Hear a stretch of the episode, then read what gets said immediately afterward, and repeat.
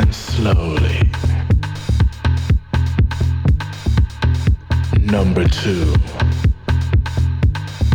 Close your eyes. Remember the body you've just seen, then slowly undress it.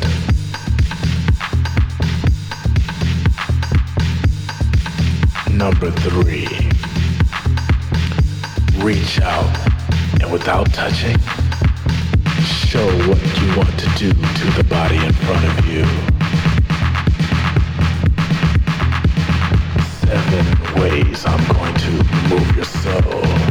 Seven ways we're going to lose control. Seven ways and we'll give no slack. Seven ways to make you jack.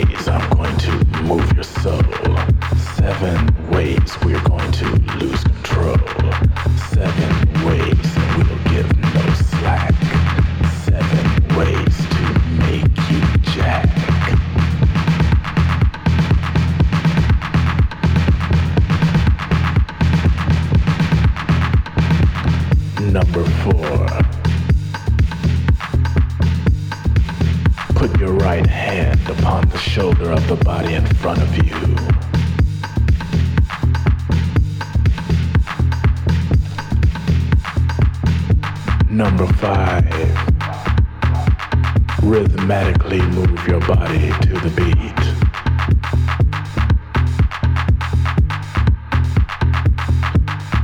Number six, physically touch the body in front of you in every way imaginable.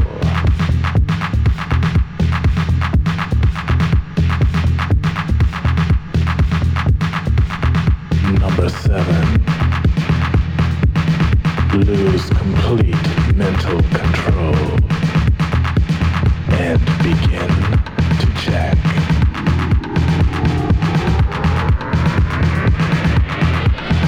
Seven ways I'm going to move your soul. Seven ways we're going to lose control. Seven ways and we'll give no slack. Seven ways to make you jack.